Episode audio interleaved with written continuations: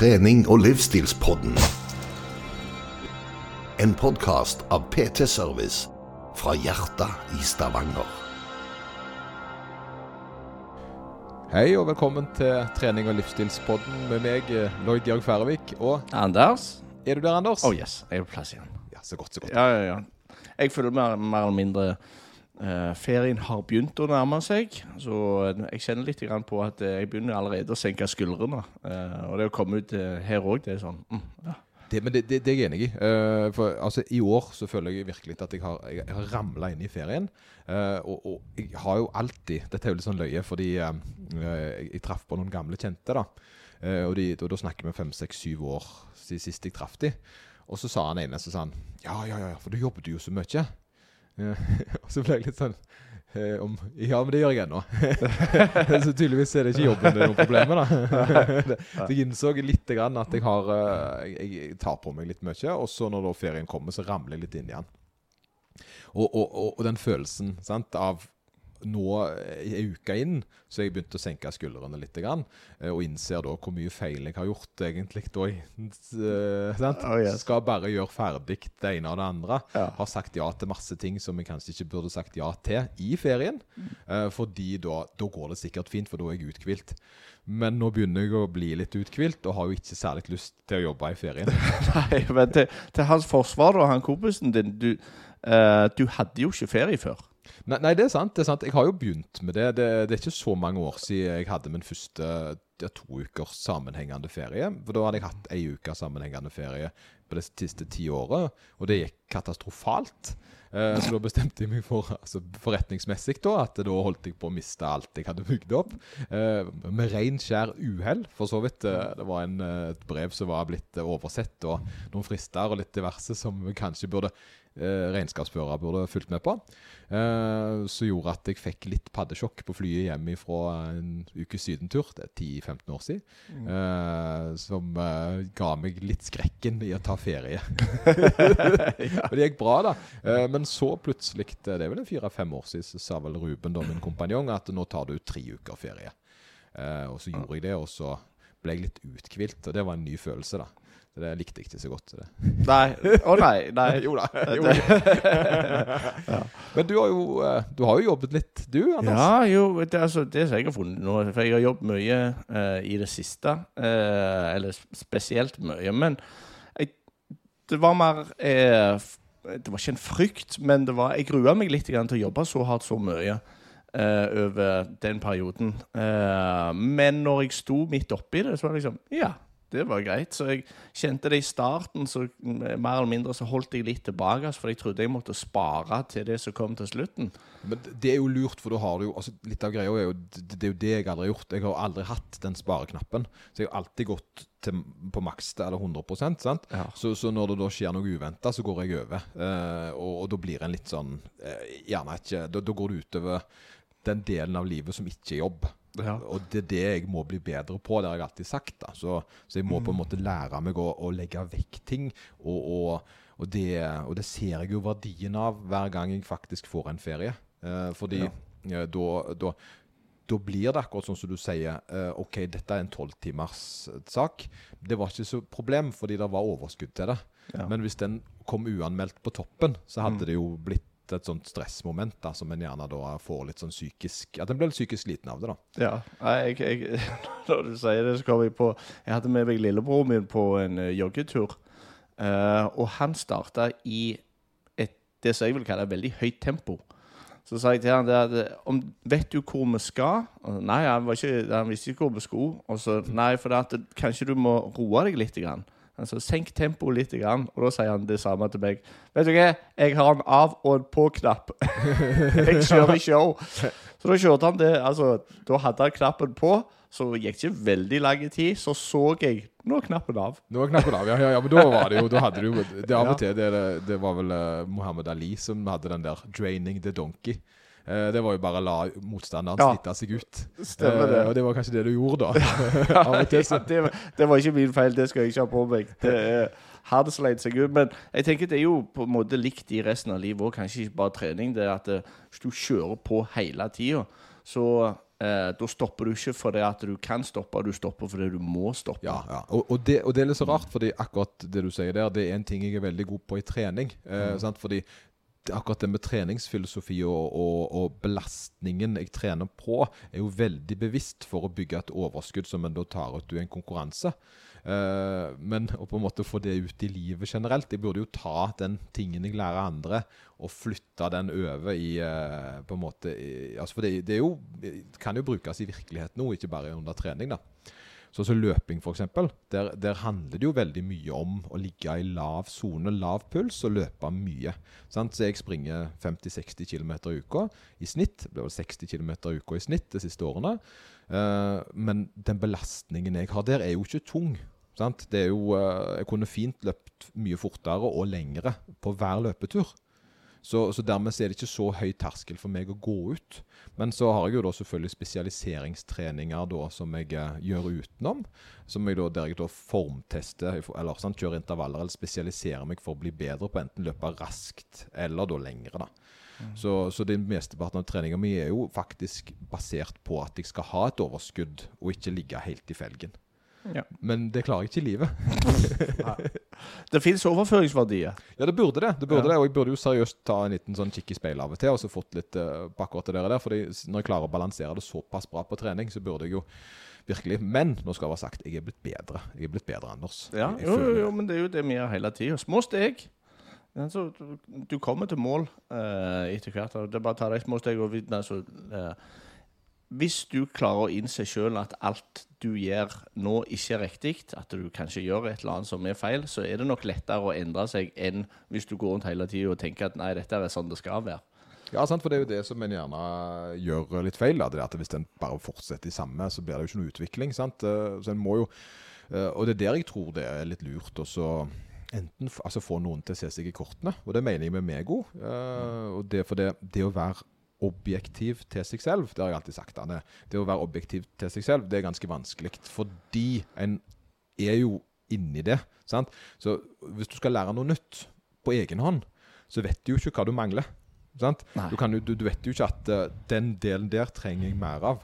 Uh, for du vet ikke hva den delen er. Ellers hadde du allerede mest sannsynlig oppsøkt det. Mm. Så det at noen kommer inn og sier objektivt til deg ja, du må øve litt mer på det, du må gjøre litt mer på det. Mm. Det tror jeg er ganske viktig, uh, både når det gjelder livet og trening. da. Ja, uh, altså Hvis du går i en sånn samtale, det, så tenker jo jeg òg at det må være viktig å ha en, et utgangspunkt i at det, eh, jeg kan ikke alt. Det er sikkert noen som kan mer enn meg om akkurat dette her. Og da Både når det gjelder trening og når det gjelder livsstil. Og bare være åpen for at Uh, jeg har feil på et eller annet, eller jeg gjør en eller annen ting som ikke, kanskje ikke er helt riktig. Uh, Istedenfor å få den der uh, altså Hvis du går inn en plass og tenker at du gjør alt riktig, og så får du et eller annet i fjeset at vet du hva, det der ville jeg gjort annerledes. Da tror jeg det er lettere å bli defensiv. Og jeg tror hvis du blir defensiv, så er det veldig vanskelig å gjøre en endring tenker jeg. Ja, jo, jo men det, det, det, er jo et veldig godt poeng. Og det andre er jo i, tillegg, da, det jeg ser da, det er at jo dyktigere en blir i sitt felt, mm. ofte, jo mer utrygg blir en. Altså, sant? Fordi at en vet hvor komplekst det er. Mm. Og så har det forandra seg såpass mange ganger gjennom den karrieren. da. Og Da tar jeg fram sånne gode gode trenere som jeg ser opp til. Eh, de, de, de blir veldig litt sånn vage i svarene sine, fordi det finnes så mange komponenter. Sant? De vet hvor mange komponenter som skal på en måte ja, ja. på plass. da. Ja. Og så vet de ikke hvor lang tid de har på å fortelle deg dette. Uh, samtidig så vet de at det er mange svar. Uh, og da blir en gjerne plutselig litt sånn usikker på hva vei en egentlig burde velge. Hva er det som er best? Mm. Uh, mens en da gjerne, når en er litt i starten, gjerne litt sånn startgropa Og jeg har alltid kalt det der for uh, ny bil-prinsippet. da Du nettopp har fått lappen. Mm. Da er du veldig sånn Det er sånn og sånn. Du blinker da og alt. Og hvis du ikke gjør det akkurat sånn som du har lært i læreboka, så kan du ikke kjøre bil. Men når det har gått en 10-15 år, så er det litt sånn Det er ikke så nøye lenger. Du kjører jo fortsatt trygt, sant? fordi du er flinkere å lese trafikken, men du er litt mer i gråsonen i forhold til hvordan du legger deg, og hvordan du på en måte eh, Altså, du, du, leser veien på en litt annen måte, da. Mm. Jeg prøvde faktisk akkurat å forklare dette her med en metafor, men jeg er litt usikker på om, om jeg klarte å få poenget fram. Så kan jeg prøve et eller annet? Prøv på meg. Ja, okay, for det, Ok, Si at uh, kunnskap er et bål eller en flamme. Hvis du har litt kunnskap, så er det samme som en liten flamme. Den lille flammen der, den kaster litt grann lys. Og rundt det lille lyset, hvis du ser for deg en kuppel, så er det skygge. Den skyggen er ikke voldsomt stor pga. lyset. Det er bare bitte lite, kan du se for deg. Du, skyggen er det du ikke kan. Så hvis du har litt kunnskap, kikker rundt deg, så ser du ja, her er det litt jeg ikke kan. Hvis du øker kunnskapen, så øker du òg styrken på flammen. Da blir diameteren på skyggen blir jo hakket større. Så når du får mer kunnskap, så ser du å, det var visst mye mer jeg ikke kunne, siden diameteren på skyggen blir større. Ja. Hvis du kan enda mer, så blir diameteren altså, Så jo mer du kan, jo mer innser du at det der er enormt med ting jeg ikke kan. Ja, men det, det, det er 100% Ja. det, det, det er min opplevelse. Made Eh, sense? Make sense Ja, okay. to, the, to the max. Altså, eh, når jeg hadde holdt på i 10-15 år, så begynte Mm. jeg å oppleve noe som jeg ikke hadde opplevd før. Mm. da begynte jeg å få sånn imposter syndrome. Har du hørt om det? Uh, nei. Eh, det er når du ikke skjønner hvorfor folk gir deg den tilliten. Ja. Uh, sant? Eh, at du plutselig uh, Altså du kommer og blir leid inn, sant? skal være, ha kurs og seminarer i ting da som du i teorien skal kunne. sant? Ja. Eh, men du føler deg jo egentlig som et litt sånn akkurat på den måten der at du vet hvor mye du ikke vet. Mm. Og så stiller du opp der, og så skal du ha et foredrag, og så føler du deg egentlig som en imposter, da. Som da betyr sant, at du egentlig later som du kan det. Mm. Eh, og det er et sånt syndrom som mange sliter med når de blir uh, At de rett og slett får litt sånn uh, følelsen av at, at de, de De blir usikre på egne talenter, selv om de skulle hatt all grunn til å ikke være det. Mm. Og det er jo nettopp derfor. Det er jo fordi at jo mer jeg lærer sant? Nå satt jeg tidligere i dag og så leste om insulinpåvirkning på hunger og vektnedgang og alle disse tingene her. Og det er klart at um, Før så var det veldig enkelt. Det er jo i prinsippet veldig enkelt, det med vekten en gang. sant? Hvis du på en måte kjører den her eh, kalori inn, kalori ut, som disse Bares Breivik og sånt, som morsomt term termomessig helt sant, men så skal han på en måte prøve å forklare hva kroppen gjør i den prosessen. Sant? Det, eh, hva, hva, næringen, hvordan den brytes ned, alle disse faktorene der, så innser en jo hvor sinnssykt komplekst det egentlig er. Sant? Svaret er likt, men hvordan foregår det? Og det er der en ser, for jeg føler liksom sånn at en kan være sinnssykt, sinnssykt Alle er enige om at sola går opp, eh, kommer til å komme opp i morgen. Sant? Det er vi rimelig sikre på. Men hvorfor han gjør det, er det ikke mange som kan forklare. Sant? Eh, sant, på egentlig. Ja. Det er jo den som er, for da begynner det å bli litt mer sånn eh, Jo, det er grav gravitasjon, det er vi får vi snurrer sant, og og disse, ja. Da begynner det å bli rimelig. Sant? Og det er der en gjerne kommer etter hvert som kunnskapen er, at da skjønner en hvor mye en ikke kan om alt dette. da. Eh, men men eh, jeg tror det å være litt Å gi seg sjøl litt uh, at en, at en bare aksepterer at en, vet du hva, du må, bare, du må bare si det du føler. sant? Altså Være litt sånn OK, det er masse svar her, men hva syns jeg er best? Og, så, og så er det som oftest det retteste svaret, det som kommer først fram. da. Det er det der med å knipse en, knipse en mynt, sant? Og så vet du egentlig Altså ja eller nei, sant? Skal vi reise til Syden, så knipser du en mynt. Du vet før den har landa hva du egentlig har lyst til. Ja. Sant? Når du blir satt tvungen til det. Ja. Og det er litt sånn at du bare hiver ut det som på en måte føles rettest å si. da. Og så får en heller bare akseptere at en kanskje faktisk må si til en annen gang at nei, det var kanskje en bedre måte å gjøre det på, men akkurat da så trodde jeg at det var den beste måten å gjøre det på. Det er litt sånn viktig. Ellers så har jeg eh, Jeg har fått bruk for noe av det vi har diskutert tidligere. Spesielt. Ja, ja, ja. Det, jeg har vært i diskusjon, og det, det kom på en måte Nå fikk jeg besøk av noen som jeg ikke har hatt besøk for, fra på ganske lenge. Eh, og vi satt og eh, snakket om, og så kom det bare opp Ja, og så Jeg har slutta å drikke aspartam. Ja. Og det var jo parmesan ja. på. Ja, det var parmesan. Han visste Han kunne grupperinger på Ja. Hva da for? Altså, Du fikk jo lov å forklare, og så, eh, så Da måtte jo jeg fortelle litt. Ja, ja, ja men altså Sukker, hva, altså, er så positivt negativt med det? Om du vet hva kategori aspartam ligger i Om du vet hva som er jeg nivå eh, kategori 1, og så er det 2A, 2B Så jeg fikk oh, det er nice. mulighet til å bruke det. Så det liksom Ja, så eh, fikk kaste ut det, det, eh, det som jeg følte jeg hadde eh, kontroll på, og så bare eh, slutta diskusjonen der. For det, OK, det ser ut som han har lest om det. Ja, det, ble litt, det ble litt stille i fjøset, på en måte. Det er jo litt deilig, da, da, sånn sett. Men du fikk iallfall lært i noe Mm. eh, som var det, altså, For det her, dette handler jo egentlig om å utvide da, forståelsen for en overskriften gjerne har lest. Og der kommer det, sant? for vi kan jo gjøre det tusen ganger mer avansert igjen. Ja. Eh, Men nå har vi kommet på det nivået at vi kan skjønne litt hvordan WHO fungerer, for det har vi snakket mye om. Da kan jeg tilføre litt med dette her med, med oddsen, da, som vi snakket om sist. Eh, at eh, Eller ikke odds, men prosenter, da. I forhold til hvordan det fungerer. Så si hvis at det er 5 eh, sannsynlighet for at du får kreft av noe. sant? At det er en statistisk eh, sannsynlighet. Og så øker du. Og her, eh, med å da tilføre ultraprosessert mat, da, så sier de OK, det blir 18% ekstra. Så da blir det jo da, Hvis du er på 1 av 20, sant? Som da, eller, så blir det 18% på den 1 av 20. Det blir ikke 18% som i 2 av 10. Og det er litt viktig at det er jo en eskaleringseffekt her, som en da gjør. sant? Så at i for seg, eh, da isolert sett, så vil da gjerne baconet ikke påvirke mer enn 0,00 promille for sannsynligheten din. Men det er jo alle disse på en måte utgiftspostene vi har. sant? Det er jo litt sånn streaming. Du har HBO, du har Disney, du har sant? Max du har, og eh, I for seg så er det veldig små kostnader, men etter hvert så kan de påvirke økonomien. da. Og det er litt sånn det er med alle valgene en tar. Så en må liksom velge litt. Grann, sant? Hvor vil en, eh, hvor vil en risikere? Ja, ja, ja. Altså. for, det, for det er jo ikke garantert noen ting. Det er bare det at en øker sannsynligheten på at OK, nå får jeg kreft, da. Eh, for eksempel. Eller øker sannsynligheten for å få noe sykdom som en ikke ønsker. Gjerne da helsemessig, da. Så- Ja, eh, jo, eh, det, vi snakket litt grann om det òg, men eh, det handler litt grann om uh, Altså, du, du bytter det jo ut med noe. Si, altså, når vi snakket om aspartam og alt dette, altså, altså sukroseaspartam uh, Hvis du da går den andre veien igjen Nå slutter jeg med søtningsstoff, så går du jo mot et annet. og går du jo mot sukker igjen. Da går på sukker, sant? Ja, ja, ja. Og det trenger ikke nødvendigvis å føre til eh, kreft, og det gir ikke de andre to heller. Men det kan jo føre til andre ting Andre igjen. helsemessige vektoppgang, alle Ja. disse tingene der, som gjerne kan være negativt i andre enden. Altså, jo, så det, jo, for det, at det finnes jo negative ting altså, eh, med å ha en vektøkning òg.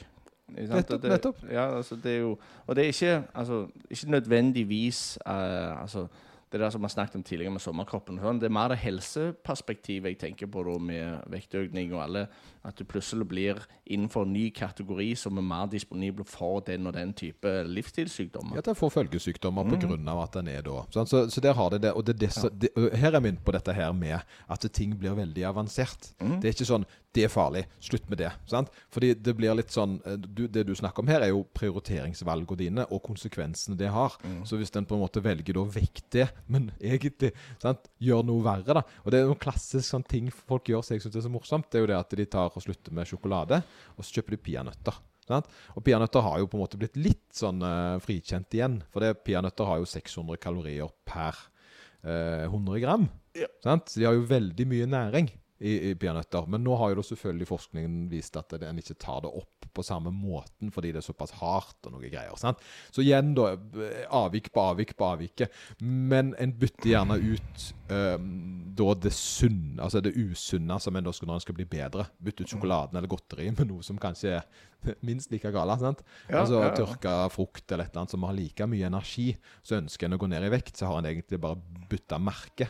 En har ikke bytta Han har ikke fjerna problemet, på en måte. da. Og det er det mange da gjør. sant? Det er At de egentlig bare bytter til et annet problem. Ja, for det, det er mange ting som jeg føler blir litt frikjent. Eller ikke frikjent, men blir glemt. Ja, For det, det, det er få som snakker om det. Få- som snakker om nøtter. At, det- at, det er, at det er mange at det er veldig energitett, eller det er mye kalorier i de.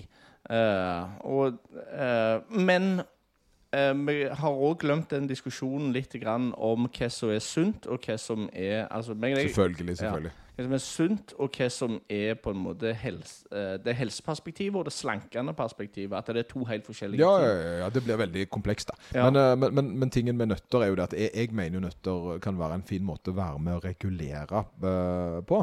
Så jeg, jeg, jeg har egentlig ikke sånn kjempemye imot at folk spiser nøtter lenger. Selv om jeg før tenkte mest på det fra et kalorisperspektiv, så ser jeg da helseverdien av det, og at du faktisk kan regulere litt metthetsfølelse. da. Det påvirker ikke insulin osv. sant? Gjør det litt avansert. Eller jeg mener det ikke påvirker insulin. Jeg skal liksom ikke se 100 på den, da. Der ser du igjen. Jo, jo, men det er forskning, og det nøtt er for hardt, spesielt cashew. Eh, Sant? Jo, jo, men du må jo ta av skallet først. Og Ja, ja. Ja, du bruker jo kalorier når du skal ta av skallet. Jo, jo, jo. Jeg har vært i Alpene, jeg. Uh! Ja, ja. Eh, Jeg har vært og gjort noe spennende. Ja, ski. Har du fulgt med på det, Mm, det har jeg. Ja, ja, Jeg vet ikke ski. Det er ikke ski? Nei, det, det, Vi sprang i skitrekket, da, hvis det Ja. hjalp. Men det var ikke snø. Så det Nei. var litt vanskelig å stå på ski der. Mm. Hva inntrykk hva har du fått med deg av dette? Nei, altså det som jeg har fått med meg, og det som har gleda meg òg mye eh, med den turen deres, er jo alt dere har fått lov å oppleve. Altså Ja. Opplevelsene rundt det. For jeg har jo fått bilde av kaffekopper, jeg har fått bilde av mat og utsikt, og fint vær har jeg fått bilde av. Og bare det at eh, dere, du og Ruben koste dere i hjel i sammen, det er på en måte eh, altså en del av helheten, da. Ikke bare konkurransebiten, men mer den helheten i dette her. Så eh, jeg har lagt best merke til. Ja, men det, og det, det tror jeg er Hvorfor gjør en det? Sant? Mm. Uh, og så er det litt sånn det, Dette her er sånn uttrykk som jeg hørte fra en sånn en, eh, eh, United. Det er en sånn fotballfilm fra 90-tallet. Og da var det en sånn ung gutt som sa at eh, det er jo rosina i pølsa. Uh. Jeg vet ikke, Og det skulle være positivt. uh, okay, ja, ja. Men, men jeg vet ikke helt hva det er positivt å finne en rosin i ei pølse etter. Men uh, det er overraskende. det, er over, ja, det kan være overraskende, men, men det var i hvert fall ment som positivt. da. Mm. Og, og jeg føler det at den konkurransen Den er rosina i pølsa. Uh? Pølsa i seg sjøl er veldig bra. Sant? Mm. Og um, vi fikk jo da vært eh, Ruben er god reiseleder. Eh, hadde planlagt dette veldig godt. Eh, vi var innom Milano og så på dyre ting som vi ikke har råd til. Deriblant T-skjorter til på et salg, der vil jeg merke, til 8000 kroner. Og da tenker jeg det, det Da begynner det å bli rimelig bra. Da tenker jeg Det er et eget marked som jeg ikke kommer til dette inn i. Eh, jeg vet ikke helt når en finner ut at en skal ha, ta 8000 kroner for, uh, for dette. Det var så jeg kjent bomull, altså. Og jeg skjønner det med konsept og kunst og identitet og sånn, men, men 8000 da på et eller annet Jeg tenker det er litt sånn Hvor dyrt kan det bli? Ja, ja jeg tenker, Selv om du har mye penger, går du ikke over og kikker litt Hvilke konkurrenter finnes her? Hvilke bedre alternativ finnes det? Ja, jeg, jeg tror vel en som har mye penger, har mye penger av en grunn. Og grunnen til at han har mye penger, er at han er flink til å investere, kanskje. Han er flink til å ta vare på pengene. Ja, og, det, og det, dette er et sånt veldig godt eh, ting. For det, det, det, det er jo eh, Mitt inntrykk er at de som virkelig har penger, de, uh, de gjør ikke sånt. De, uh, de vil heller gå heller til bars. nice. til, til mer den her Se, jeg kan gjøre hva jeg vil. Og så går jeg bare i vanlige klær istedenfor å møte opp i dressen. Mens det er veldig mange som tror at det, det å være da rik da, innebærer at en skal gå kledd i dyre merkeklær. Ja. Uh, at jeg vet det så godt. At det er på en måte en forskjell på de som, er, de som vil se ut som de rike, og de som er ordentlig rike. Da. Men det er bare min tanke om det. Ja, Kan det handle litt om selvbildet? Jeg har lyst å vise at jeg er rik. Jeg vil at folk skal se at jeg er rik, at jeg har mye penger. Derfor kler jeg meg sånn og sånn, og går med Prada eller Dolce Cabana eller hva det skal være for noe. Ja, sånne ting som Ja, Ja, ja, jo, men, men det er jo dyrt. ja dyrt. Ja, Så ja, ja. Hvis du har det jeg, Så Altså, jeg ville jo ikke kj- kjøpt så veldig dyre ting. Altså Nei, nei, på et eller annet tidspunkt så går det Men, men så er det jo det, har en interessen igjen, så skjønner jeg det jo. sant? Ja, Eh, en en gjerne på en måte det som en er spesialist på. Det blir jo litt sånn som med meg Ja. sant? når det gjelder treningsutstyr. Uh, Ja. så er jo jeg gjerne litt sånn på den eksklusive sida, fordi jeg er veldig opphengt i uh, ikke bare kvaliteten, men betydningen av det. sant? Historien osv. At det kan være en sånn ting. Det samme vet jeg jo med klokker. da. Noen har jo det med klokker, at de de kjøper veldig dyre klokker, fordi, men de vet om historie. Altså, de gir de noe. De gir de noe spesielt. Ja. Så, det, så det er gjerne en ting jeg ikke skjønner så mye. Men, men uansett, vi var iallfall i Milano og fikk opplevd det. ja, okay. Eh, og, og, eh, og, og, det er jo det det handler om. sant? Det er jo meg og en god kompis som reiser på tur her i fire dager. Det er jo ikke meg og en kompis som springer i fjellet i åtte timer. Eh, vi jo, sant, var jo i Komosjøen, eh, som er en sånn sagnomsust innsjø eh, i Italia, nordsida av Italia, som vi stoppet på, og så var vi ute og svømte i. Det er sånn det, det er jo en ting, Opplevelse. En opplevelse, sant? Mm. Ja da. Det er en av de der på en måte De der sånn sjekklistetingene. Og det å kjøre opp gjennom Alpene, og så på italiensk side, og så var vi og spiste på en flott restaurant liksom 1500 meter over havet. Sant? Og bare så et 4000 meter høyt fjell opp gjennom Altså, det var, det var nesten som å være i Norge. det var, Det var- fint vær. ja, det var litt sånn norsk, eh, norsk sommer. Det var liksom det vi fikk oppleve, da. Jeg var i Italia, ja. uh, og det, det, er, eh, det er en av de plassene hvor jeg uh, har lyst til å reise tilbake nesten kun for altså, hvordan det er, hvordan det ser ut. Det, det er ekstremt fint der nede, syns jeg. Ja, det var nydelig. det var nydelig, sant? Og, og, og Alpene i tillegg. Nå var vi jo uh, 1800 høydemeter, så vi kjente det jo faktisk i pusten. Og det var en ting som jeg ikke var klar over. Men uh, det å på en måte komme helt opp til da basecampen på Silvaplan, eller hva det heter for noe, der vi da skulle gjøre denne swimrun, eh, som skulle en konkurranse meg og Ruben skulle delta i, der var vi jo, kom vi jo dagen før. Men det som var så rart, var det kom såpass høyt at vi merka det i pusten. da. Og Måten vi merka det på, var at når vi da prøvde å trekke ned uh, oksygen, så var det liksom akkurat så det var et stopp på 90 At vi fikk ikke den siste. Så vi gikk liksom og Ja. Fikk ikke helt den siste. Og det måtte vi bare akseptere at sånn var det. Og det er en tilvenning som gjerne tar et par uker. Uh, Mm. Men det hadde jo ikke vi tid til, så vi var jo veldig stressa over hvordan vi på en måte skulle bli påvirka. Høydetrening i Norge òg. Ja, ja, men de reiser jo til akkurat dette området her. Mm. Uh, for altså, det, dette, det er jo her Ingebrigtsen og de reiser til, der vi var, Mm. og løper. Uh, I den høyden der, og, så, og, så, og i det området. Og så trener de på da dette. Men det tar jo noen uker å få en tilpasning, og så tar en med seg den effekten nedover, da, og så har en den i en sesong, eller så og så Mm. lenge. Så klokka mi sier jo at jeg har gjort høydetrening nå. Han gjør det, altså. Ja, bra. Ja, gjør det. Fancy så, så det er, det er fancy klokka. Jeg er Mm. Veldig fornøyd med den. Mm. Uh, og, uh, men det er jo alt det rundt, sant. Og så er vi da plutselig i Sveits, med en liten sånn, en, uh, liten sånn landsby. Nydelige Sveits, altså. Det er litt sånn, igjen, litt sånn som Norge. Inn i, inn, inn i fylkene i Norge. Det er jo det. Steinhus med veldig rent. Det er liksom uh, lite reklame. Det er veldig sånn naturrikkolaktig. Men sant? vi er jo velsigna med det her i Norge. Og jeg satt og tenkte sånn Å, tenk om å reise opp For plutselig er jeg blitt naturmenneske, vet du. Sant? På Oi. mine eldre dager. Jeg har jo Ja, ja. ikke likt å være utendørs. uh, og så å, tenk å reise ned her, sant. Og så, mm. så sier Ruben litt sånn Ja, men for meg så er jo dette Det er jo Vi har jo dette i Norge òg. Oh, ja. Så jeg skjønner at det er fint for deg, sier han, men dette har jeg sett mange ganger. Vi har jo isbreer i Norge òg. Det er jo ikke noe Det er jo ikke Stemmer noe det. altså, det er liksom ikke uh, Sant? Jeg har liksom Jeg må ta Jeg har sett Norge for første gang i Sveits.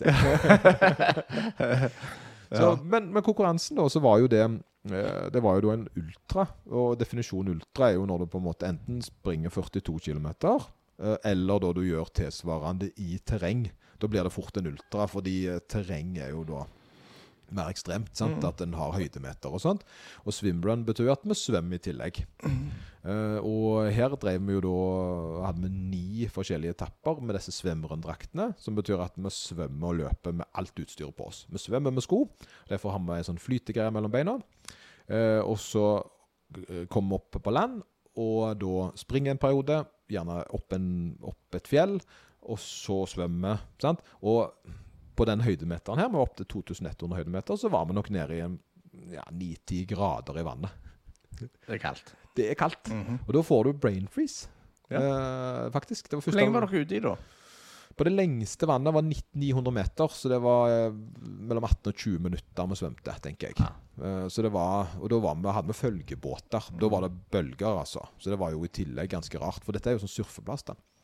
Eh, også, men jeg syns svømminga er det litt sånn pauseunderholdninger, sånn sett. Fordi uh, der handler det om å holde et uh, forholdsvis lavt puls. Holde kontroll på pulsen.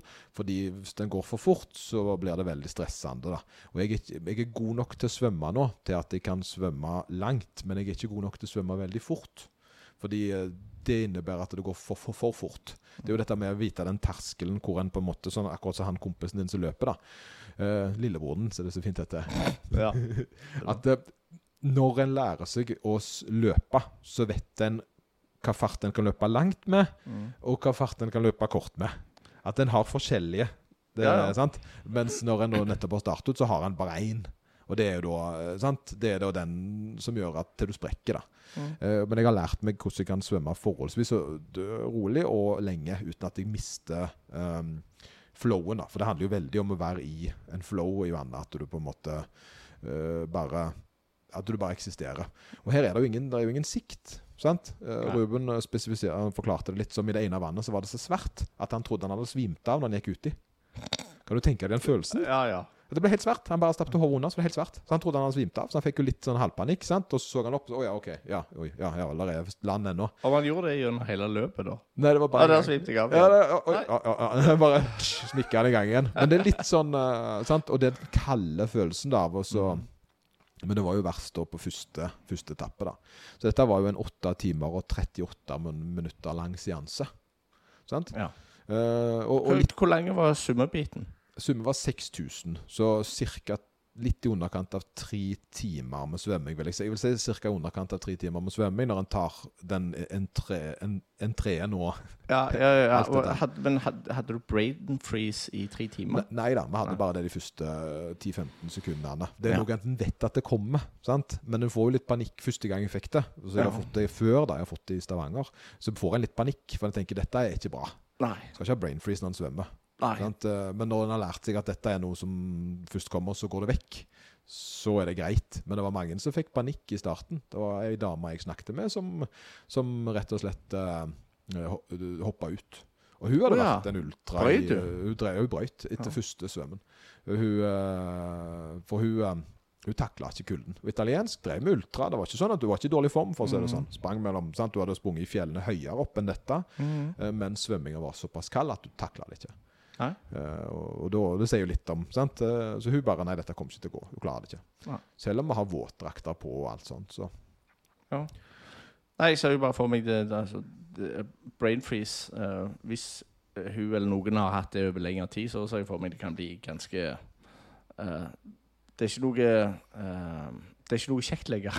Nei, det er jo det. Er jo det sant? Det, hvorfor gjør en det? Mm. Uh, hvorfor gjør en det da? Og det, og det tror jeg litt grann til det at er, Jeg tenker Hvis en får sjokk når en får brain freeze i isbrevann, Mm. så er en ikke forberedt. Sant? Nei, nei. For dette visste jeg kom. Og jeg hadde sagt det Ja, til. Ruben, at dette kom til å skje. Og når det skjedde for han første gangen, som var da der oppe, for han har ikke opplevd det før, så hørte han mine ord. sant? 20 Ja. sekunder, så er det over. Ja. Og det var akkurat sånn, sa han. ja. Sant? Eh, Så for han da, så hadde han lært av min, min, eh, min erfaring, og så brukte vi det sammen. Eller så kunne han risikert å få panikk. Dette er for kaldt, vi kommer ikke til å klare det. ja, ja. Jeg har panikk. Så, så det er noe med å være eh, Og det da, og, det, og da tenker jeg vi kan gå litt over dagens eh, tema. Det samme som når du drikker slush. Det er greit å ha noen der til å gi beskjed at det går snart over. Ja, ja og så trikset er jo gjerne enten å stoppe opp med det en holder på med, altså drikke slush, eller da sette ned tempoet, eller For det, jeg tenker, hvis det hadde vært sånn kontinuerlig uh, slush-smerte, så kunne ikke jeg uh, Da hadde jeg gått stoppet, altså. ja. Men jeg visste at det gikk over når jeg Ja. på en måte fikk en liten tilvenning. Uh, men når vi kom ut ifra denne 40, det ble vel ca. 46 km lange reisen, da, inkludert svømminga, 8 timer og 40 minutter, så var vi jo litt støle og litt vonde. Eh, men vi hadde ingen skader. eh, og, dagen etterpå så var vi jo selvfølgelig litt medtatt, som en burde være. Men bare etter et par dager så var jeg i eh, forholdsvis grei form igjen. Det kunne, jeg har allerede vært ute og svømt og løpt. Sant? Dette er noen dager siden. Det var jo mm. på lørdag. Eh, og og det, det handler litt grann om på en måte den her tilpasningen til mengde. Eh, jeg ser jo nå i ettertid hva er det jeg må øve på. Hva var det som var den største da blyantspisseren, da, hvis du vil si det, i forhold til problemer. For meg så var det nedoverbakke. Jeg er da teknisk veldig god Eller ikke teknisk veldig god, det er mine styrker i forhold til Ruben, for dette er et lagsport. da. Det at jeg springer eh, mye, jeg har mye mengde i beina og tåler veldig mye løping rett fram. Og tåler generelt veldig lenge utholdenhet, ikke sant? Men jeg er ikke veldig god i terreng. Nei. Det har jeg aldri gjort. sant? Jeg har sittet på dataen, jeg, og så har jeg begynt å springe rett fram. Eh, han er- kommer jo fra fjell, fjellturer og vært mye veldig lange sånne Han har mer, mer den bakgrunnen der. Så selv om han da løper og gjør mindre aktivitet i løpet av uka enn meg, så holdt vi ca. likt. For han har hatt spesifi altså spesifisert type opptrening til dette han har erfaringen fra før. Han er bedre da. Og da, og da tenker jeg det, spesielt nedover. sant? For oppover handler mer om styrke, mens nedover handler om teknikk. Mm. Så når jeg da sprang nedover, så fikk jeg kroppen min så mye juling fordi jeg landa ikke rett på hvert steg. Sant? Én pga. at føttene mine var litt herpa fra før, og to pga. at dette kan jeg ikke så godt. Mm. Uh, og det øyla jo veldig mye for vår uh, tid. Fordi jeg måtte bremse oss nedover. Mm. sant? Ja. uh, men jeg hadde en såpass mye utholdenhet i kroppen at jeg tålte det likevel. Fordi jeg har på en måte trent opp til å tåle ganske mye. Mm. Eh, så jeg var jo forberedt nok. Jeg var bare ikke god på noe. Mm. Men så, og det her er greia det at eh, Kati er det på en måte en skal være med på noe sånn som dette. da Jo, det er når kroppen tåler det. Sant? Og, hva, og en kan bygge seg opp til å tåle det mest utrolige. Hvis en ønsker det. Men det trenger selvfølgelig ikke. Uh, og da tenker jeg litt på at eh, hadde, jeg, kunne ikke vært med på dette for to år siden. For da hadde ikke jeg bygd opp den kapasiteten som jeg har nå har fått. Så, så det er litt med det når en, hva en kan ta med seg sjøl. Det er det at eh, så lenge en har framgang på det en holder på med, så trener en nok. Sant? Uh, en må ikke trene syv dager i uka for å få framgang. Det er faktisk ikke det. Det er kun for spesialiseringer. Hvis en skal drive med ekstremt lange løp, sånn som jeg har lyst til, eller lange ting, så, så må en trene for å bli god på det. Mm. Men hvis en har lyst at en, en trener for det en skal bli god på, og så spesialiserer en seg på det, da. Det er jo det som er Jeg ser for meg at du må bruke en del timer for det. om. Du trenger ikke trene syv dager i uka, men at det ryker med et par timer til å få den mengdetreningen som gjør at du kan tåle et ultramaraton. Ja, ja, på akkurat på ultramaraton så må en jo. Eh, ja. sant? Eh, men- en kan ikke ha åtte timer lange treninger. Uh, det går jo ikke. Nei. Sant? Fordi at det, det, treningene dine er såpass lange, så, så, så er en egentlig innstilt på mye mer. Men en bør ha lengre treninger for å spesialisere det å være i aktivitet. Og og en kan gjerne si en sånn god regel at en minst må ha lengden en skal løpe på en gang i løpet av ei uke. da. Mm. Så hvis en skal være med på et maraton som er 42 km, så bør en faktisk løpe minst det i uka. Mm. Sant? Fordi at da har du bygd opp en et, et, eh, kapasitet til det. Mens hvis en driver med styrketrening for eksempel, så kan en jo ikke trene mest mulig nødvendigvis. En må trene det kroppen klarer å hente seg inn ifra. Mm. Sant? Der har du det igjen. da Og Det samme gjelder jo for så vidt med løping men det er en litt annen belastningsgrad. Sant? Det er sånn som svømming. Skal du bli sinnssykt god å svømme, så må du svømme masse. Og vi ble jo bedre i svømming av å svømme så mye. Sant? For vi var jo, hadde jo ni svømmeturer. Mm. Jeg svømte jo tre uker mengde svømming, jeg. Fordi jeg har vanligvis svømt ganske lite. Sant? Fordi at jeg syns ikke svømming er så gøy.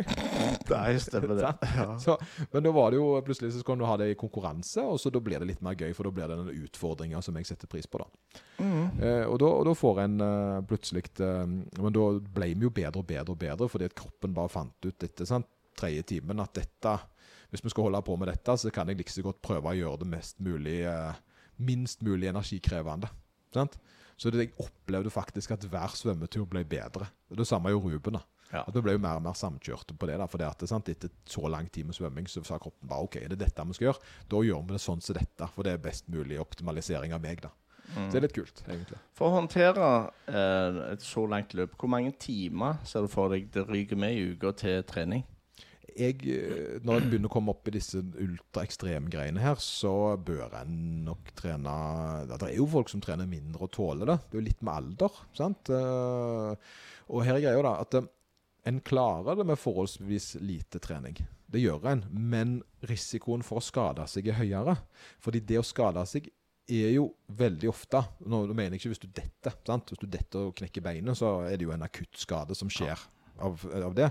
Men eh, det at kroppen plutselig får et såpass stort belastningsvolum som man ikke er vant med, risikerer du eh, å skade deg på. Det er veldig mange som har blitt med på et maraton for tidlig. Og så skader de seg, og så har de vondt i seks-åtte måneder etterpå. Fordi den dagen var såpass belastende at det, kroppen bare ble, ja, ble skada. Men folk da som har systematisk over tid trent seg opp til å ha den arbeidskapasiteten, de trenger ikke nødvendigvis også bli så veldig slitne etter et maraton. Sånn som oss nå, så er vi i forholdsvis god form bare etter et par dager. Selvfølgelig må vi jo bruke litt tid på å la kroppen hente seg inn. Det er fornuftig sant? at en, jeg bruker denne uka her på å trene litt mindre enn jeg pleier, og så jobber meg inn i vanlig mengde igjen neste uke. Eh, men for mange som gjerne ikke hadde trent så mye, som f.eks. i fjor, så var vi jo med ute i tre-fire uker med smerter. Sant? I knær spesielt, fordi det var for høy belastning i forhold til hva vi tålte. Og det er jo litt det en da trener, at en trener for å slippe det. Sant? Så belastningen bør jo da være såpass at en tåler aktiviteten en skal være med på. Ha god nok tid til å bygge opp det, da. Men fins det noe sånn retning, ikke noen retningslinjer, men bare sånn Si et gjennomsnitt, da. Uh, I antall timer per uke. ja, jeg trener iallfall mm, mellom 12 og 15 timer i uka. Ja. eh, mens en proff triatlonutøver trener jo gjerne oppimot 35, Anders. Ja, det, Sant? ja, den, Det er jo en arbeidsdag, men det jo, blir jo arbeidet deres, da. Ja, ja. Jo, jo. Så da, men, det, men da er det jo ikke løping de gjør mest av. De springer gjerne 100 km i uka, sant? Men så sykler de 500. sant? At de sykler fire timer til dagen kanskje i perioder, og så svømmer de så og så mye. Det er klart at det, vo, volumet betegner jo hvor god du blir. Hvis jeg skal bli bedre til å løpe, så kan jeg løpe mer. Sant? Jeg, jeg, hvis jeg springer 60 nå, hadde jeg trent meg opp til å løpt 100 uten å øke farten, så hadde jeg fortsatt blitt en bedre løper. Sant? Fordi jeg hadde gjort det mer hver uke. Sant? Kroppen min hadde blitt bedre på det fordi jeg gjorde det mer. da. Så rett og slett bare det å øke mengden er en måte.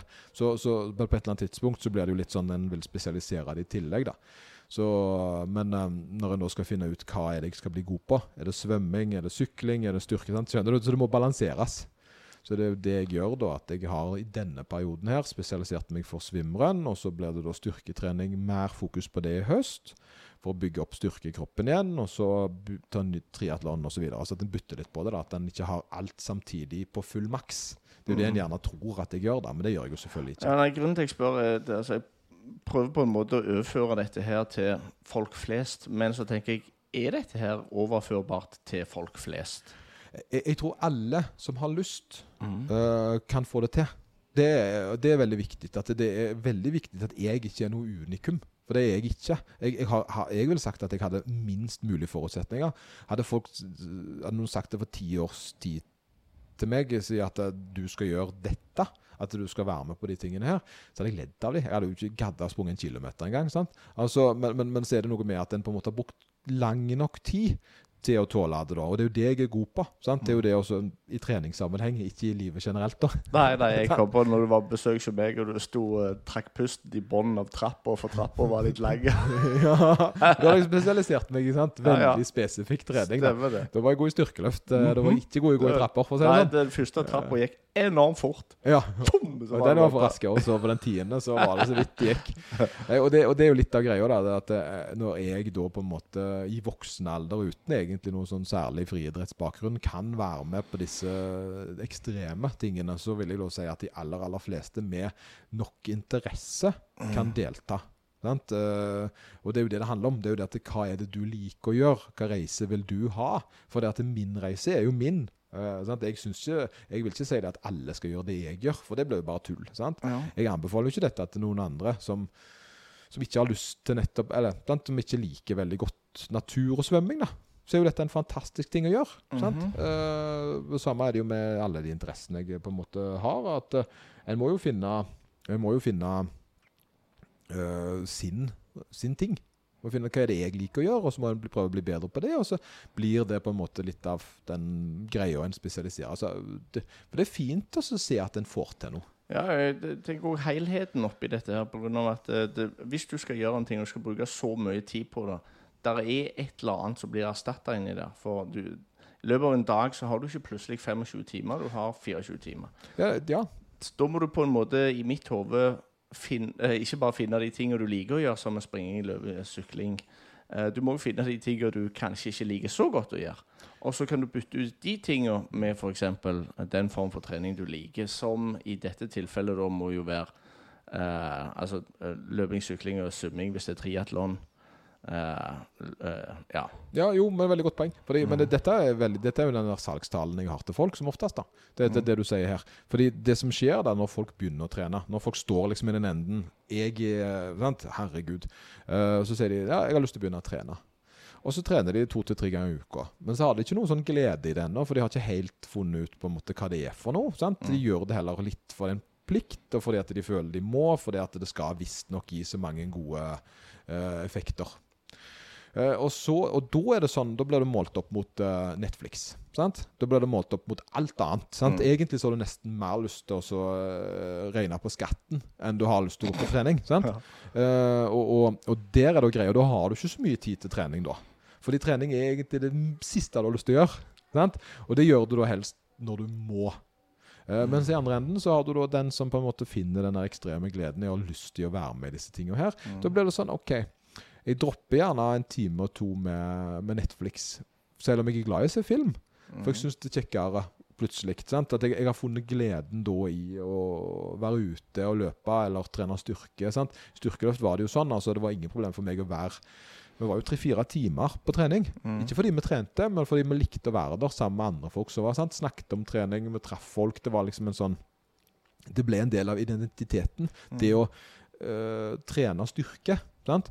Eh, og da har en jo plutselig eh, Da havner jo dette her høyere opp på den prioritetslista. Og så blir det sånn Vet du hva, jeg har mer lyst til å gå på trening enn å se Netflix i dag. Sant? Og da plutselig har en jo mer tid. Fordi folk flest har jo ledig tid. Det er jo bare hva de velger å bruke den tida til. Sant? Jeg tror det er to fingre du holder opp når du skal bare putte inn et eller annet. Ja, Det går vel an å trene og se på Netflix? Ja, nettopp. sant? Men her er jo greia Det blir jo da en balanse. Som en da eh, følte før gjerne at jeg må ha minst ta mine fire timer med Netflix. Mm. Da har jeg ikke tid til to timer med trening, eller én time med trening. Sant? Fordi det, det blir litt sånn at det går ut over det jeg liker å gjøre på kveldene. Men når det begynner å bli det du liker å gjøre, så kan du ta det ut av Netflix-kvoten. da, For da blir det OK, jeg kan ofre litt av Netflix, for det er så gøy i det andre. Sant?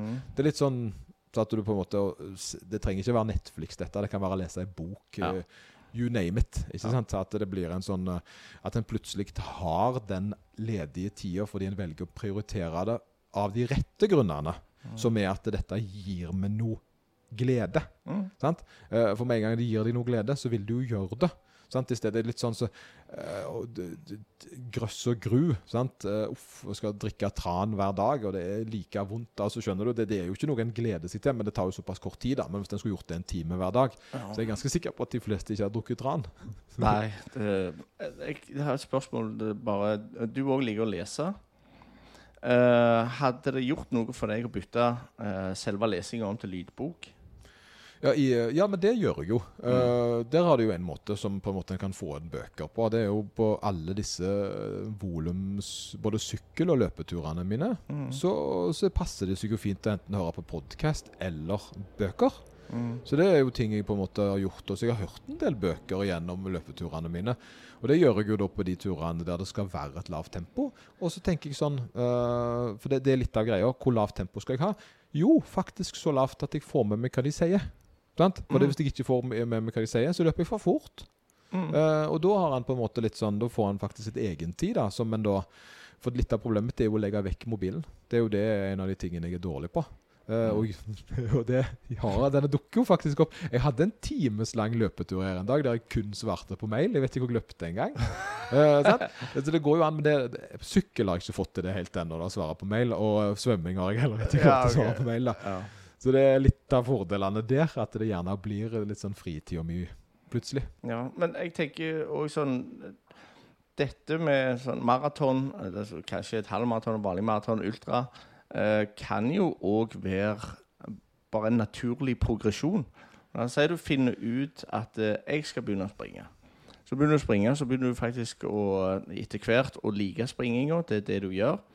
Eh, og så etter hvert så tenker du Vet du hva, jeg skal være med på en eller annen konkurranse. Så si det er en eh, konkurranse som for noen som springer maraton og sånn, kanskje vil være lav intensitet, men du har bare lyst til å bidra eller være med. Eh, og så er du med på det, og så kan det være jeg, jeg setter et nytt mål, for nå har jeg oppnådd det målet mitt. Og Da blir målet kanskje et halvmaraton. Så gjennomfører du det kanskje et par ganger, koser deg. Så kommer du i bedre form pga. at du fortsetter jo å trene. Ja, ja, ja. ja. Så blir neste, task, eller neste, neste mål da blir kanskje jeg skal faktisk klare å gjennomføre et maraton.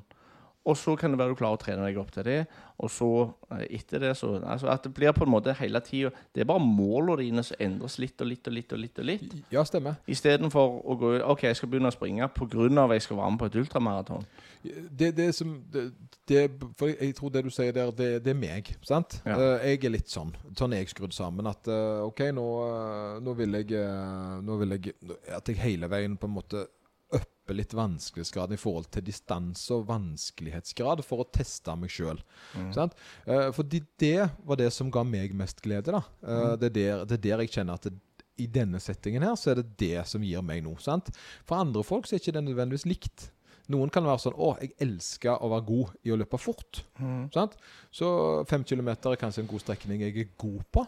Jeg er god i forhold til andre folk, så jeg spesialiserer meg på det. Og så trener jeg veldig aktivt for å bli god i å springe fem kilometer. Eller styrkeløft, knebøy. Jeg er- har en vanvittig glede av å løfte mer i knebøy. Jeg vil bli god på det. Sant? At det blir sånn eh, At det ikke blir sånn alle ender ikke opp med å trene to ganger til dagen. Men de har en dette er den delen som gir meg mest glede. Og jeg syns det var fantastisk å gå tur. sant? Eh, blir de gode, de Kommer seg mye ut i naturen, får masse opplevelser rundt om i distriktene og blir god på det. da. At det blir en sånn eh, For meg da, så ser jeg at reisen min er jo da den er litt sånn todelt. fordi at jeg har jo da disse konkurransene som handler om å være bedre enn før. Som jeg gjentar. sant? De kortere distansene. Eh, sånn 9-10 km turer. Og så handler det da om disse opplevelser og utfordringene som dette her i Alpene var. da. Og Rockman nå i august, som blir på en måte en ny sånn en vanskelighetsgrad. sant? Så for meg da så handler det da om å bryne meg litt på noe nytt. Uh, og, og det gir meg glede at jeg klarte det. Og så liker jeg veldig godt på en måte å være i altså, jeg, jeg vil ikke si Jeg liker ikke å være i den motstanden jeg har når det er veldig tungt, men jeg liker å ha klart det. Og jeg liker det mer å ha klart det enn å være i det, om du forstår. sant? Ja, ja, ja. Så, så for meg så er det, det bare det å være i det jævlige, da, og komme gjennom, er verdien av å ha gjort det. Eh, og når jeg da gradvis øker den vanskelighetsgraden sånn som jeg gjør, så, så blir det mulig for meg å sette det neste og det neste. Og det er meg. Sant? Eh, det er ikke deg. Sant? Du, du har en annen ting da, som du syns det, du, du, du, du liker bedre en annen ting. Og jeg før har jeg jo hatt det om å løfte mest mulig benkepress. Sant? Eh, noen har det jo bare med å være i best mulig form. Sant? At de vil bare se best mulig ut. Så det er jo en annen ting. Så en har, så en har på en måte, noen, vil jo, noen er bare fornøyd med å være i form igjen. Så, så da tenker de at ok, jeg føler meg helsemessig bra. Det gir meg glede til andre ting jeg interesserer meg for. sant? Eh, så, så det tror jeg er litt eh, At det er ikke en universalsvar svar på hvorfor en skal trene. da. Jeg tror ikke det, og spesielt dette med den helsefremmende biten av å trene. Eh, det er på en måte, det er ikke, Jeg tror ikke det er noe du føler. Eh, du vet at det er der, og det er på en måte eh, Jeg kan ikke kalle det et biprodukt heller, for det, det er jo Men det er noe som uh, iallfall etter all teorien sier skal skje. At du, det er helsefremmende å trene, men det er ikke noe du merker, det er ikke noe du tenker på. Men Eh, jeg tror gleden i å gjøre det du gjør, altså finne et eller annet du trives med, og prøve et par uker og finne et eller annet du trives med, så kan heller dette her, eh, om det er styrkeløft Du trenger ikke å være med på konkurranse hvis du ikke har lyst, og du trenger ikke eh, konkurrere hvis ikke det gir deg så voldsomt mye, men bare å drive med et eller annet du trives veldig veldig godt med, jeg, jeg tror det er det på en måte som er svaret på altså på all trening eller livsstilsendring. Og så målet eh, at ikke det alene gir gleden, men sånn som for deg òg, at du er at du føler du er ute og du trives med det. Sant? Du har funnet trivsel med natur og fjell og alt det der. Ja, ja, ja. Og selvfølgelig gjennom droner og GoPros. sant? Altså, ja, men, men det er jo litt av reisen er jo å, å, å på en måte prøve å fange de øyeblikkene. Mm. Eh, og, og det ser jeg jo nå. Det er mye av eksempel eh, når jeg var da, trente meg opp til å springe i disse fjellene, her, så var jeg da med ei, ei jeg kjenner, ei som heter Silje, som da er spesialist på ultra i terreng. Mm. Sant? Hun sprang jo nettopp til Mont Blanc, som er sånne ekstreme greier, sant? som jeg aldri hadde klart å få til. Eh, og hun hjalp oss da hvordan vi skulle, eller viste, altså, viste oss noen ruter og lærte oss noen triks i forhold til det å løpe. Gjøre det som jeg er dårlig på. Og det er klart droner var med. Ja, ja, ja. Ja. Her måtte vi ha content. Og, det, og for meg så er jo det da Da får jeg blanda interessene mine, sant? som er på en måte er det, film og bilde. Og opplevelser. Eh, og på en måte prøve å fange og vise folk at eh, sant? Jeg, For jeg har en sånn stor glede i å vise dette er det som skjer. da Eh, og det var jo helt uh, sinnssykt, sant? For å drive og springe opp i dalsnuten med drone etter seg. altså, Som Ja. seg hør og bør. Jeg har hørt noen som har sagt 'jeg hater whisky'. Og så tenker jeg du, Har du smakt alle? Ja, og har du smakt den til rett tid? Ja. For det er noe For jeg Jo. tror veldig mye så handler det om whisky. Det er settingen whiskyen drikkes i. Mhm. -hmm. Den skal ikke drikkes uh, på bussen, liksom. Altså, han kan jo det, men uh, klart han kan det. Han kan det, men når du setter deg ned i den gode stolen din, sant? Det, er, det er slapp av-tid. Uh, Ja. Da skal vi spille sant? Vi skal spille Diablo 4, og så har vi litt whisky i glasset. Sant? Temperert. Mhm. Smakt for en, den vi liker veldig godt. Sant? Og så tar du en liten sånn varm slurk av den, for det er jo egentlig varmen i whiskyen som er noe av opplevelsen, føler jeg. Og, og, og da senker det seg. Mm. Da, da, er en, eh, da har han stappet inn billetten. Men jeg syns det er veldig bastant å si at det der er noe som finnes så store variasjoner som f.eks. whisky, eller så store variasjoner som f.eks. øl. Ikke sant? Jeg hater øl. Uh, men eh, jeg tenker litt på trening òg. Går det an å si du hater trening? Nei. Nei, det går ikke. Fordi, fordi trening er jo det nesten som jeg hater mat. sant? Ja. Det går jo ikke å si det. For det at ja, du kan gjerne du liker, du liker gjerne ikke lever. Men igjen, altså du har, du har ikke prøvd det du, du har ikke prøvd det du liker ennå, er vel egentlig sannheten. Og, og, hvis den, og så har jeg nå dette her med at jeg er sånn. Nei, du er ikke det. Du har bestemt deg for å være det. For det som mennesker er veldig gode til, det er adapsjon. Eh, sant? Mm. Vi kan faktisk forandre oss. Det er litt skummelt å si, men vi har lært De fleste av oss har lært å snakke flere språk. Eh, det er en læring. Eh, vi har lært oss å gå, vi har lært oss å løpe, vi har lært oss å svømme. vi har lært oss, Noen har lært seg å synge, noen har lært seg å klippe håret til andre. Eh, sant? Og en har lært å utvikle følelsesregisteret sitt, sånn at en ikke blir fornærma når noen kaller deg for en dusteball. Sant? En har utvikla seg stadig. Men hvis en, jeg er bare en sånn som liker eh, rød cola, så det heter så fint. Ja. Det er sånn, nei, du har bestemt deg litt for det at det er en del av identiteten din, og det er greit. Sant? Mm. Det er jo greit. Ja, jo, jo. Men sant, eh, det går jo an uh, å finne gleden i noe annet. Og det er jo det jeg har innsett sjøl, for jeg har jo vært litt bastant. Jeg skulle aldri mer stå på ski. Sant? Og så sto jeg plutselig på ski. Men det var jo da pga. at sønnen min var begynt å stå på ski, og da følte jeg at uh, jeg vil være med han på det. Sant? Og så, og så sto jeg da i fjellene og tenkte vet du hva, jeg har lovt meg sjøl at jeg aldri mer skulle gjøre dette. Og det var dumt, for dette var gøy. Mm. Sant? Heldigvis ikke for seint. Og nå begynner jo snart uh, skisesongen igjen. Midt i juli. Det. men uh, da selvfølgelig skal jeg begynne reise inn til Sauda og stoppe ski. ikke sant? Fordi jeg har da forandra min mening om det. Jeg Mm. er ikke en sånn en som ikke står på ski jeg lenger. Jeg eh, står på ski når det er muligheten til det, for jeg syns det er kjekt. Og så er det såpass mange forskjellige former, forskjellige måter å trene på, sånn at jeg tenker jo at inni der så fins det et eller annet alle liker. Du har bare ikke funnet det Jeg ennå. har bare ikke funnet det ennå. Og det er jo det det handler om. det er jo det å begynne i en retning, da, og så Ja. bare, så bare prøve seg fram. Og begynne på et lavt nok nivå til at en faktisk føler at en får det til. Det tror jeg er greia. Sant? Jeg begynte jo ikke med det ultra. Jeg begynte jo med en tre kilometer joggetur. Ja. Det var ikke lenger. Nei, jeg, jeg, husker det var en på TV som sa at min rekord på 3000-meteren er 60 meter. Ja, ja, jo, Så- Så men jeg tenker, Sier du er der, da? Altså, for det er det sikkert en, par, en del som er. Altså, men kanskje ikke gi deg etter den første turen. Men prøv et par ganger. Prøv elleve ganger. Og tingene i 11, for eksempel. Mm. Og der er greia igjen litt sånn posta hva en sjøl er. Så er jo nettopp det jeg holder på med, er jo å lære folk å like trening. Mm. Eh, og, og lære folk å forstå kosthold. Det er jo det som er jobben min som coach. da. Eh, og, og, og da skal ikke jeg plugge meg, sant? for det trenger jeg ikke. Men, eh, men jeg vil at hvis du er en person som alltid har vært aktiv, så har du nok forutsetningen til å prøve noe nytt. Sant? Det har du jo. Da Kanskje du kan på en måte ta litt av den erfaringen du allerede har fra før, og så putte den inn i noe nytt. Så da er det litt enklere for deg å starte opp med noe. da. Men hvis du aldri har drevet på med noe, og fortsatt hører på oss så langt inn i denne episoden her, sant? så kan det være lurt å spørre noen som kan hjelpe deg å komme i gang. Sant? Fordi da får du den beste måten å komme i gang på. Sant? Og hvis du har lyst til å begynne med uh, si swimrun, da, som på en måte jeg har holdt på med. Sant? Spør noen som driver med swimrun, om de kan hjelpe deg. Sant? Istedenfor at du da skal stå der og knote på egen hånd og føle at dette her er noe vanvittige greier. Sant? Eller sykling, eller hva det måtte være. En får jo gjerne Det er veldig vanskelig uh, å være helt nybegynner på på alt når en kan spørre litt om hjelp for å få noen pointers. En kan lære av andre, da. Det går an, altså. Jeg tenker andre yrker, eh, f.eks. om det er rørlegger, eller om det er elektriker, eller om det er snekker, eller lege, eller hva sånn. Har du et eller annet problem som du ikke klarer å fikse sjøl, så spør du jo en eller annen som har peiling. Ja, Og du går jo på skole for å lære det i tillegg. Ja, ja, ja, Og så har du folk som har enorme skolering, som har lært det. Ja, men det, det kalles Bruk lærling. Ja, for det at eh, du kan ikke lære alt. Alt som finnes, Men da tar du og bruker de som allerede kan det. Ja, Du, og så får de forteller deg, så får du på en måte den enkle måten, eller det enkle svaret, istedenfor å prøve å finne opp kruttet sjøl. Så eh, får du egentlig bare kruttet i det. Vær så god.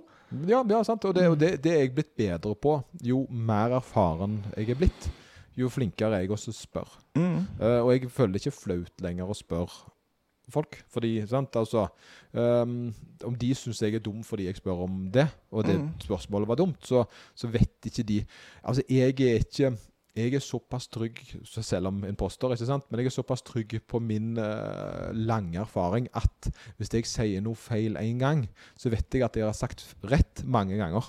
Så om noen tar meg på en feil, sant? uh, så lærer jeg av at jeg sa feil den gangen. Det betyr ikke at jeg ikke kan noe som helst, for det vet jeg jeg kan. Jeg kan mye, men, sant? men jeg kan ikke alt. Nei, men og den, den som stiller spørsmål, er en tåpe i et minutt. Den som aldri stiller spørsmål, er en tåpe et helt livs... Liv. Oi, oi, oi. Jo, jo, men, men, men eh, det, er jo en sånn fin tid også, kanskje vi skal runde av litt på. Ja. Eh, og, men, eh, men jeg vil jo først ta opp dette her med deg, da, dette her med T-skjortene, som da på en måte er blitt det greia. Ja. Eh, nå har jeg fine på meg i dag. Den går ikke an å kjøpe. Nei, nå har det stoppet. Nå har det stoppet. Mm. Sånn, det var, det var bildet låste seg litt, men lyden var fin, så det var jo ikke noe problem. Ok. Eh, nei, men til T-skjortene. Jeg har jo da fått ei fin T-skjorte av, min, eh, av min datter, som da har lagd denne her. Eh, hun er ganske dyktig, syns jeg. Eh, det står Run, står det her. Run og stjerne. Det er Mario-stjerna. Ja, det er 24, er det ikke det? Hedda, åtte år. Ja, Ja, la oss si det med en gang. Eh, og så, eh, men vi har jo lagt tilbake T-skjorter. Eh, og her er greia. Jeg, jeg syns jo at vi skal ha en liten utlodning eh, på, på det. Eh, så jeg tenker jo det at, at hvis en deler Da må nesten tagge meg, da, på, på Instagram. Og at en deler denne episoden her, og så tagger en meg. Så fører jeg dere opp på ei liste, og så kunngjør vi vinneren på neste episode. Og nå blir det jo en ukes pause, fordi Anders skal på ferie, mest sannsynlig. Eh, Det kan hende det dukker opp en liten sånn en eh, pause, sånn liten gjeste... En sånn ekstraepisode, who knows, det kan være. Men i utgangspunktet så tar vi oss en uke av ferie. Og da har dere god mulighet til å vinne. Da blir det ikke den episoden uh, som det trekkes på, da. Det blir jo den når Anders kommer tilbake igjen. For da må få det var ja. Det kommer av seg sjøl. Krise. Krise. Uh, at vi trekker ut én, da. Uh, vi, har, uh, vi har kjøpt inn et par. Så, um, så får vi se da om vi skal selge de eller et eller annet. Men det var steindyrt. Det kosta 210 kroner eks moms for ei T-skjorte med trykk. Det ble 260-270 kroner. eh, pluss porto, så det ble jo det ble jo dyrt. Det ble dyrt for folk. Jeg vet ikke om de er interessert i å betale det. Uh? Og det er jo ut, uten påslag. Det, Ja, det er uten Ja, ja. påslag. Sant? Vi må jo. Hvis vi skal tjene på det, så må vi jo ha 699, eller altså Nike de selger vel med 7-8 kroner uh, gevinst på hver av de, gjør de ikke det? Jo, de selger ikke, men, men det blir iallfall uh, jeg, har- jeg har kjøpt opp fem stykker, så eh, oi. hvis ingen vil ha de, så tar jeg de sjøl. Ja. Men det ble iallfall utlodding på en av de, da. Så uh, håper jeg at, det, at folk har har kommet så langt, og så prøver vi å se om det er noe interesse. Ja, ja, ja. Kjempegøy. Alright. God sommer uh, i Jo, uka. du òg og alle sammen. Ha veldig god sommer. Vi- Så snakkes vi. Vi snakkes. Lik og del, og så